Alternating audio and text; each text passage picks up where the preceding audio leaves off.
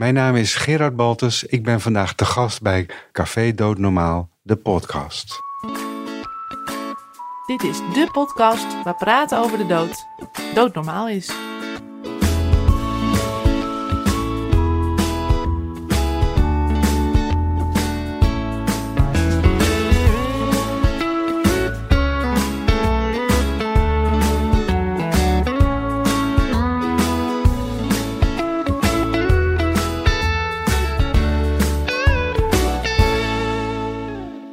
Vanuit het centrum van Amsterdam, in een leeg kantoor van de NVVE, heet ik je welkom bij weer een nieuwe aflevering van Café Doodnormaal, de podcast. Mijn naam is Gerard Ekelmans en tegenover mij zit Sebastian Hattink. Waar gaan we deze aflevering over hebben, Sebastian? Nou, we hebben het in voorgaande aflevering veel gehad over een euthanasietraject, een euthanasiewetgeving. Maar er zijn natuurlijk ook mensen die helemaal niet in aanmerking kunnen komen voor euthanasie of niet willen komen voor euthanasie. Deze aflevering gaan we het hebben over welke mogelijkheden er dan nog zijn. Om ons hier meer over te vertellen, schuift vandaag naamgenoot Gerard Baltes aan. Gerard is coördinator bij het adviescentrum van de NVVE. Gerard, welkom. Goedemiddag.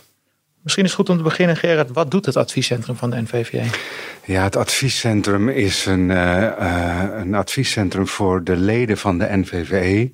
En zij kunnen allerlei vragen aan ons stellen die met het levenseinde te maken hebben. Mensen komen vaak met allerlei vraagstukken in aanraking waar ze niet precies van weten hoe het werkt of hoe ze dat zouden kunnen regelen. En dan uh, nemen ze met ons contact op en wij kunnen hun dan uh, informatie en advies geven. En die komen hier dan langs op kantoor? Nee, die bellen met de NVVE en dan krijgen ze eerst een gesprek met een coördinator van het adviescentrum, waarvan ik er één ben. We zijn met z'n vieren. En wij gaan een soort van uh, intakegesprek doen, of een screeninggesprek, het is maar hoe je dat wil noemen. En uh, aan de hand van dat gesprek kijken wij of de informatie telefonisch voldoende is afgehandeld. Of dat bijvoorbeeld een, uh, een afspraak op een spreekuur wilsverklaringen nodig is om mensen ondersteuning te bieden bij het opstellen van hun wilsverklaringen. Of we bieden een huisbezoek aan en we hebben over heel Nederland hebben we ongeveer 100 vrijwillige medewerkers. Dat zijn ook leden van de NVVE en die informeren de mensen thuis. Dus die bezoeken mensen dan thuis en die kunnen daar een wat meer persoonlijk gesprek voeren dan. En wat voor soort vragen krijgen jullie binnen? Ja, dat is uh, heel uh, verschillend. Het heeft natuurlijk allemaal enigszins te maken met het levenseinde. Maar je kan een, een groot deel van de vragen die gaan over uh, de wilsverklaringen. je kunt wilsverklaringen opstellen waarin je je wensen opschrijft die je hebt ten aanzien van je levenseinde of behandelbeperkingen of wie jouw gevolmachtigde is. En het is belangrijk om op die wilsverklaringen nog een persoonlijke aanvulling te schrijven. En sommige mensen vinden dat best moeilijk, dus daar kunnen wij ze in adviseren. Daarnaast hebben we ook allerlei vragen, bijvoorbeeld over ja, als mensen ziek zijn, wat voor keuzes ze dan kunnen maken. Bijvoorbeeld of ze een euthanasiewens kunnen bespreken en hoe ze dat dan zouden kunnen doen. Of dat ze bijvoorbeeld zich afvragen of ze een bepaalde operatie nog wel willen. En als ze dat niet willen, of dat dan uh, mogelijk is. Je hebt bijvoorbeeld in deze coronatijd hebben we heel veel contact gehad met mensen die vragen hadden over of ze nou wel of niet naar de IC zouden moeten als ze corona zouden krijgen. Ja, daar heb je natuurlijk allerlei persoonlijke overwegingen en keuzes in te maken. En dat, dat willen mensen dan met ons bespreken om te kijken wat de mogelijkheden daarvoor zijn. We hebben ook heel veel vragen van mensen die te maken hebben met dementie. En mensen zijn uh, ja, toch vaak wel geschrokken als ze merken dat ze langzaam achteruit gaan vanwege dementie. We hebben ook veel contact met uh, familieleden van mensen met dementie. En dan komen ze bij ons. We hebben een steunpunt levenseinde en dementie. En daar kunnen mensen ook met hun vragen terecht. En onze consulenten kunnen ook op huisbezoek gaan om mensen te ondersteunen in zo'n proces. Bijvoorbeeld uh, hoe ze in gesprek moeten gaan met hun uh, arts. Of ze nog een bepaalde uh, behandeling zouden willen. Of als ze naar een verpleeghuis zouden moeten, wat voor keuzes ze dan kunnen maken. En daar kunnen wij ze in adviseren. Dan hebben we nog veel uh, mensen die bij ons komen die zeggen dat ze geen zin meer hebben in het leven en niet zo goed weten wat ze daarmee mee aan kunnen. En er is zo'n discussie gaande in Nederland over dat mensen die hun leven willen beëindigen, omdat ze zo oud zijn geworden, dat mensen daar de gelegenheid voor moeten hebben. Maar die gelegenheid is er nog niet. Maar heel veel mensen die zeggen dat ze een voltooid leven hebben, zoals dat vaak genoemd wordt, die hebben vaak ook te maken met een stapeling van ouderdomsklachten. En wij kunnen ze daarover informeren en ze op weg helpen om te kijken of ze dan misschien toch voor euthanasie in aanmerking kunnen komen. En wat houdt dat in, stapeling van ouderdomsklachten? Nou, je hebt bijvoorbeeld veel mensen die oud worden, die gaan op een gegeven moment toch steeds meer klachten ontwikkelen. Je kunt bijvoorbeeld steeds meer problemen krijgen met, uh, met uh, lopen. Je kan bijvoorbeeld steeds meer problemen krijgen met je gehoor, met je ogen. Sommige mensen zijn altijd moe. Uh, ze hebben daarnaast ook een hoop verlieservaringen. Ze kunnen bepaalde dingen niet meer. En dat kan op een gegeven moment maken dat je zegt van nou, ik, heb eigenlijk, ik ben het eigenlijk zat. Ik kan mijn leven eigenlijk niet meer op een goede manier leven. Elke dag is eigenlijk een opgave, een, een, een strijd. En ik kan, ik kan het eigenlijk niet meer opbrengen. En vaak zeggen mensen dan dat ze een voltooid leven hebben. Maar eigenlijk hebben ze te maken met een stapeling van ouderdomsaandoeningen. Waar euthanasie best bij mogelijk is. Dus dan uh, adviseren wij ze daarover. Bijvoorbeeld om daarover in gesprek te gaan met de huisarts. En te kijken of die bereid is om euthanasie te verlenen. En dat zijn dus aandoeningen waarbij op één aandoening zou je niet in aanmerking kunnen komen voor euthanasie, maar met alles bij elkaar wel. Nou, dat ligt er ook een beetje aan. Kijk, sommige mensen die lijden ondraaglijk omdat ze blind worden. En als iemand uh, als grote hobby heeft om uh, te lezen, ja, dan is het natuurlijk heel ondraaglijk als je dan niet meer kunt lezen. Dus ja, er zijn ook wel mensen die euthanasie hebben gekregen omdat ze blind waren. Maar ja, zo'n stapeling van ouderdomsklachten maakt het vaak wel heel erg invoelbaar of begrijpelijk dat iemand zegt: Ik vind uh, mijn leven ondraaglijk geworden, want je bent eigenlijk de hele dag ja, aan het tobben. Hè. Het begint al bij het opstaan dat je er een uur over doet om jezelf aan te kleden. En dan moet je weer anderhalf uur uitrusten, omdat je zo ontzettend veel energie kwijt bent geraakt vanwege het aankleden. Nou, en dan moet de dag nog beginnen. En als je dan uh, de hele dag verder doorgaat met allerlei beperkingen, dan kunnen we met z'n allen ons wel voorstellen dat dat voor iemand ondraaglijk is geworden. Dan hebben we ook nog vragen van mensen met uh, psychiatrische problemen. Er is natuurlijk in Nederland uh, een mooie euthanasiewet. En uh, mensen die ondraaglijk en uitzichtloos lijden, die kunnen een euthanasieverzoek doen bij hun dokter. En dat geldt evenzo voor mensen met een psychiatrisch probleem. En dat is wel iets ingewikkelder, dus daar kunnen wij goed zo over informeren. En dan kunnen we kijken of het zinvol is om een euthanasieverzoek te doen. En krijgen jullie ook vragen van mensen die of niet in aanmerking kunnen komen voor euthanasie, of geen euthanasie willen, maar het op een andere manier willen? Uh, ja, die krijgen we ook. Ja, er zijn uh, natuurlijk uh, ook situaties denkbaar waarin iemand zelf zegt: ik, ik wil eigenlijk liever sterven. Maar dat dat nog niet past binnen de, binnen de wet, omdat er bijvoorbeeld nog behandelopties zijn. En hoe ver kan je dan gaan in je advies? Ja, wij kunnen heel ver gaan door mensen goede informatie te geven. Kijk, als jouw euthanasieverzoek serieus is onderzocht door je arts en de arts die concludeert dat er eigenlijk nog behandelopties zijn, ja, dan, dan ben ik niet te beroerd om mensen te informeren over dat het misschien heel zinvol is om die behandeling dan nog te proberen. want uh, ja, als, als iemand nog behandelopties heeft, dan is het natuurlijk zonde om dat over te slaan want uh, we hebben allemaal uh, wel uh, te maken met zware periodes in ons leven. En soms weten we ook dat je daar weer overheen kan komen. En met, als je daar hulpverlening bij nodig hebt, dan is dat natuurlijk prima. Als je dan daardoor weer nieuwe levenslust gaat krijgen, dan is dat natuurlijk de moeite waard. Want welke mogelijkheden zijn er los van euthanasie? Nou ja, nogmaals, ik snap dat mensen op een gegeven moment denken dat overlijden je wens is. Maar dat hoeft niet altijd zo te zijn. dus wij informeren mensen soms ook om ervoor te kiezen om dat idee even los te laten en te kijken wat voor behandelopties er nog zijn. Of, of andere interventies om je leven weer een nieuwe draai te geven. En ja, dat kan weer een hele nieuwe eh, denkrichting voor je worden. En dat kan je weer een nieuwe impuls geven om je leven weer vorm te geven. Daarnaast uh, informeren wij ook mensen, bijvoorbeeld uh, sommige ouderen, die dat euthanasieprocedure heel ingewikkeld vinden, of langdurig, of langdradig, of uh, gecompliceerd.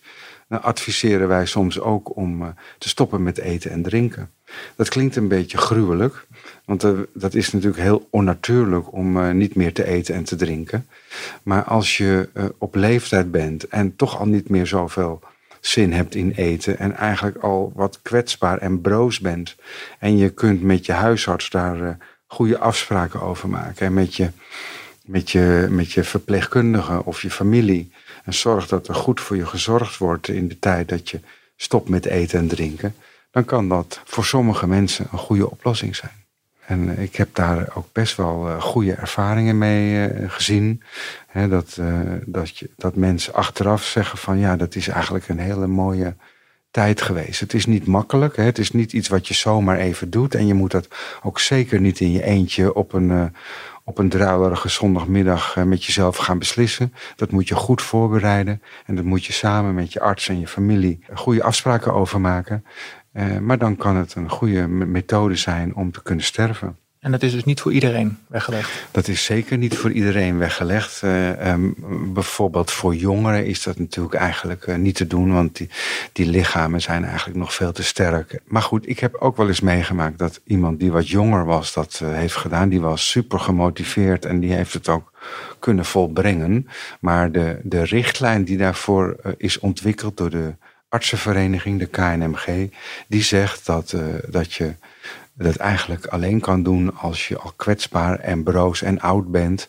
En de praktijk wijst dat ook uit, want het is best zwaar. Hè? Het is niet iets wat je zomaar even doet, maar uh, uh, het is wel mogelijk. Ik heb zelfs begrepen dat er gewerkt wordt met bepaalde levensverwachtingen. Dat je alleen maar kan doen als je nog een x aantal maanden te leven hebt. Stoppen met eten en drinken? Nee hoor, dat is niet zo. Het is wel zo dat je natuurlijk oud en kwetsbaar moet zijn. Dan maak je de grootste kans dat je dat lukt. Kijk, je maakt misschien een onderscheid tussen versterven en bewust stoppen met eten en drinken.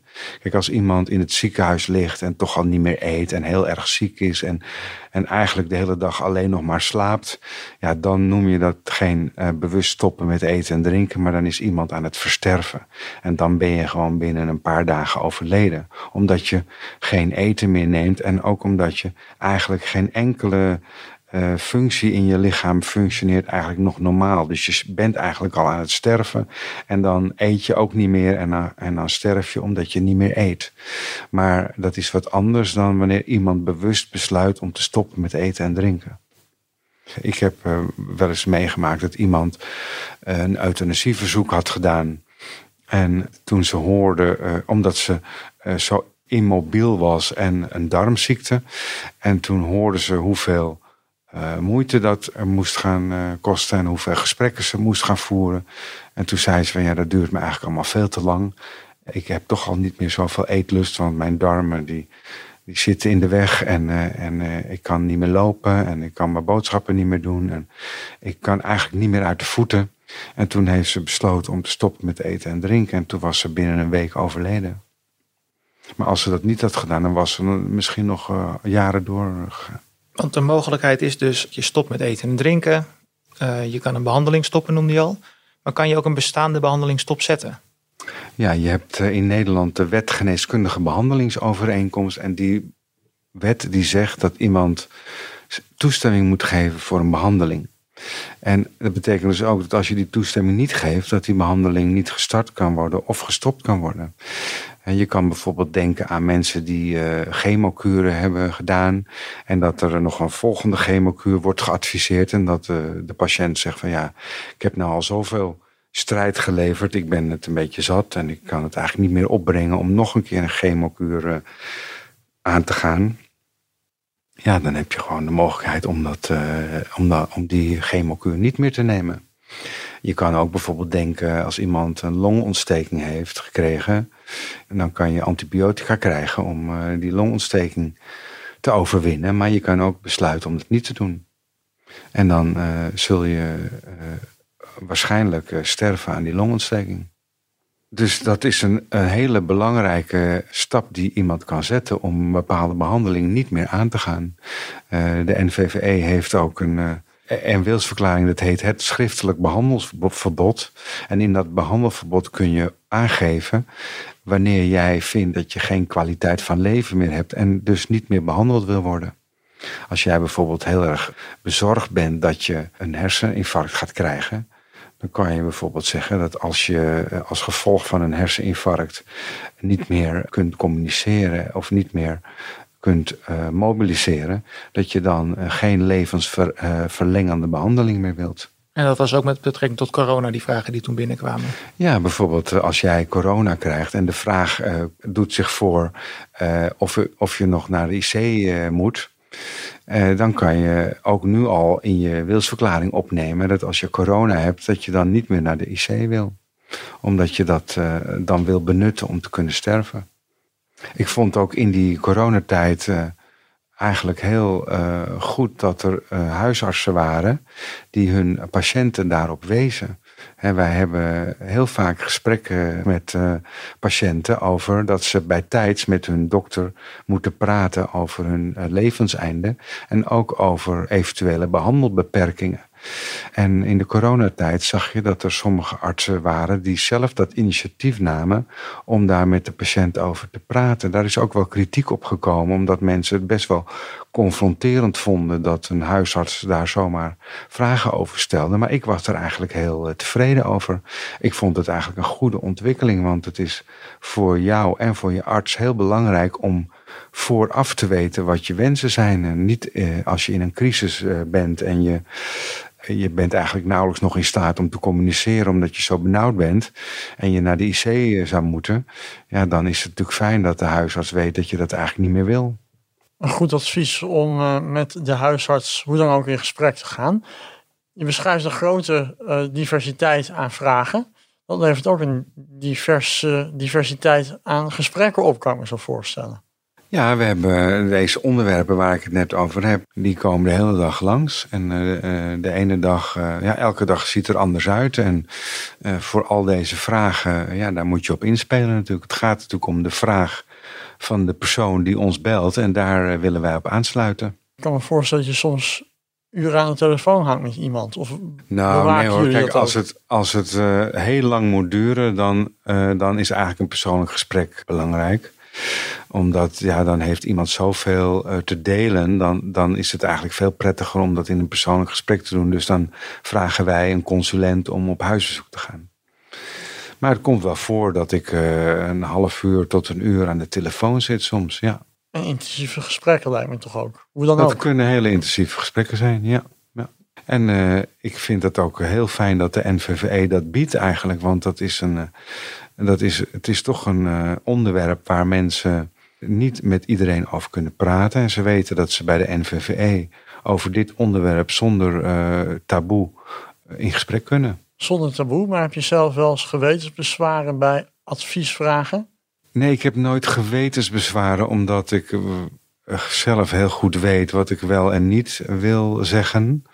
Er zijn wel onderwerpen die ik soms wel ja, lastig vind of moeilijk vind. Omdat als het gaat bijvoorbeeld over zelfdoding, dan, daar zitten zoveel. Daar krijgen we ook vragen over. Over mensen die nadenken om hun leven zelf te beëindigen. En zelfdoding, uh, ik sta daar op zich uh, uh, wel achter dat mensen zelf dat besluit zouden moeten kunnen nemen om hun leven te beëindigen. Maar er zitten zoveel aspecten aan die het heel gecompliceerd maken. En dat maakt het soms ingewikkeld, omdat je soms mensen aan de lijn hebben die vinden dat ze daar het recht uh, toe hebben. En dat dat um, recht eigenlijk boven alles gaat. En dat, daar ben ik het niet altijd mee eens. Je, bent, je bent ook verantwoordelijk voor je omgeving. Je bent ook verantwoordelijk voor je familie, voor je kinderen, voor je ouders, voor je collega's, voor eh, vrienden. dus daar moet je ook rekening mee houden. We weten ook dat heel veel mensen die eh, een zelfdoding doen, dat het ook impulsief kan zijn. Er stond onlangs nog een artikel in de Volkskrant over iemand die dat uh, gedaan had, terwijl ze de middelen had ingenomen, ook 112 ging bellen omdat ze toch spijt had. En dan denk ik, ja, dan ben ik blij dat ik zo iemand niet geholpen heb, omdat ja, dat toch te impulsief is geweest. En nogmaals, wat ik eerder ook in dit gesprek zei, als mensen een zware periode in hun leven hebben, dan is zelfdoding niet altijd de beste oplossing. Dan uh, is hulpverlening kan heel veel teweeg brengen wat, wat je weer een nieuwe impuls in je leven geeft. Ik zeg niet dat hulpverlening altijd de oplossing is, want ik ben zeker niet uh, tegen als iemand echt uh, uh, niet meer geholpen kan worden, dan is het fijn dat wij in Nederland een euthanasiewet hebben die zo iemand kan helpen. maar ja, ik vind ook dat we ons leven een kans moeten geven. Ook als je het zwaar hebt. Dus in die zin zit er ook nog een, een preventieve element aan jullie werk. Zeker, want wij, uh, wij uh, weten ook dat als mensen de gelegenheid krijgen om daarover te praten, dat ze vaak weer nieuwe moed vinden en uh, nieuw doorzettingsvermogen om te kijken wat zou ik eventueel nog kunnen doen uh, aan deze problemen. En ja, als je, als je jong bent, dan moet je ook een soort weerstand opbouwen tegen problemen. Klinkt misschien een beetje oude, oude lullerig, want ik ben inmiddels 60. Maar ik heb ook wel eens een zware periode in mijn leven gehad. En ja, je leert toch met problemen omgaan in de loop van je leven. En dat is ook heel belangrijk om dat te leren, omdat je uh, daardoor uh, groeit en uh, beter kunt omgaan met de uitdagingen die, de, die het leven nou eenmaal stelt. Dus ja, soms is het ook goed om door te zetten en te kijken hoe je door bepaalde problemen heen kunt komen. En als er iemand belt die overweegt een zelfdoding en die wil dat op een humane manier doen, dus niet ehm, van een flatgebouw springen, bij wijze van spreken. Hoe ver mag jij gaan als coördinator in het geven van informatie? Wij mogen uh, informatie geven, punt. Dus wij mogen mensen wijzen op uh, bronnen waar ze meer informatie kunnen vinden. En uh, kijk, als mensen zeggen ik wil zelf mijn leven beëindigen, dan kunnen ze bij ons informatie krijgen, maar ze moeten het wel zelf doen. En dat is helemaal niet eenvoudig, want er zijn wel methoden en die worden ook beschreven. Maar dat vraagt soms verdere acties Bijvoorbeeld voor het uh, vinden van uh, medicijnen. En dat is helemaal niet eenvoudig. Maar er zijn mensen die het voor elkaar krijgen. Maar onze hulp daarbij die beperkt zich tot het geven van informatie. Ik heb nog uh, regelmatig mensen die ons bellen en die dan verwachten dat wij middelen kunnen leveren. Ja, kijk, we hebben de afgelopen jaren gezien wat er gebeurt als er plannen zijn om middelen te leveren via bijvoorbeeld via de coöperatie Laatste Wil. En uh, de wetgever heeft gezegd dat uh, dat kunnen wij niet toestaan. Datzelfde geldt natuurlijk ook voor de NVVE. En eerlijk gezegd zou ik dat zelf ook niet willen. als mensen zelf uh, hun leven willen beëindigen, dan ben ik daar niet op tegen. Maar ik, ik vind niet dat, dat ze, als ze dat zelf willen doen, dat ze dan van mij mogen vragen om dat voor hun te gaan regelen. En hoe is dat dan voor jou als je weet dat iemand die jij uh, telefonisch of uh, hebt begeleid, die een zelfdoding gaat doen en jij gaat hier uh, naar huis en je weet die avond gebeurt dat, is dat niet heel heftig voor jou nog?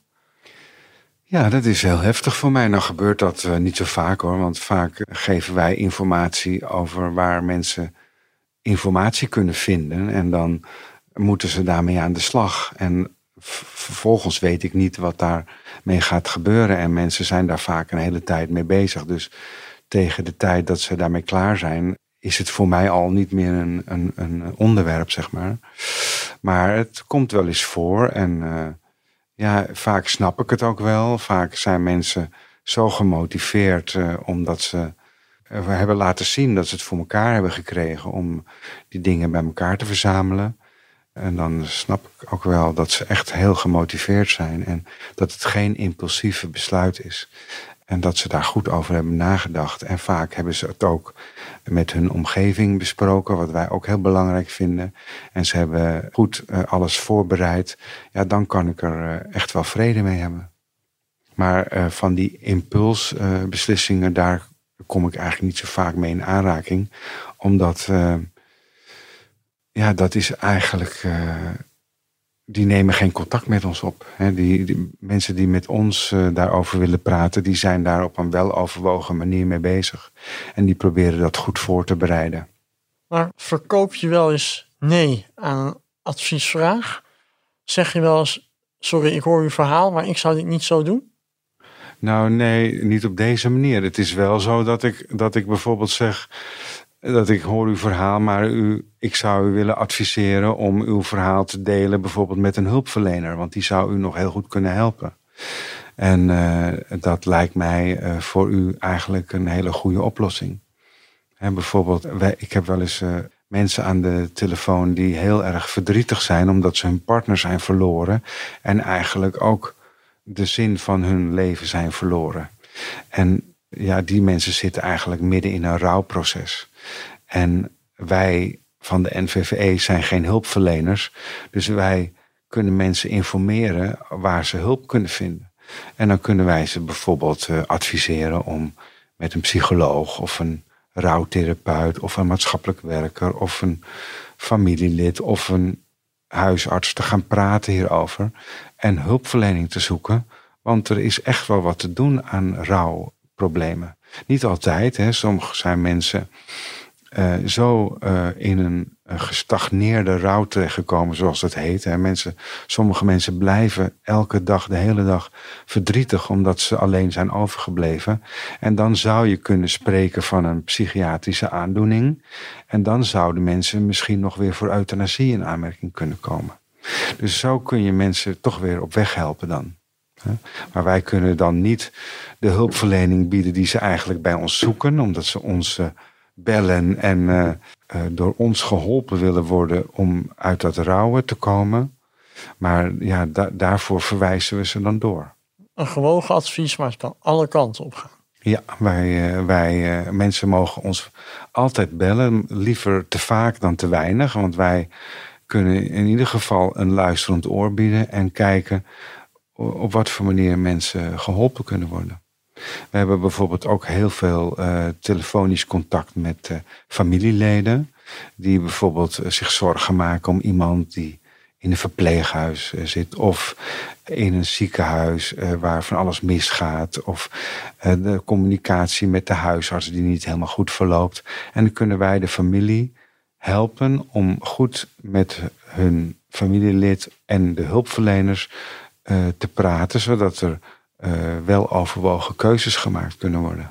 En als je nou één ding mag aanpassen aan de huidige euthanasiepraktijk, alles overziend, zou ik in jouw geval willen zeggen, wat zou dat dan zijn? Uh, ik vind uh, dat de euthanasiewet, de euthanasiepraktijk eigenlijk heel goed verloopt.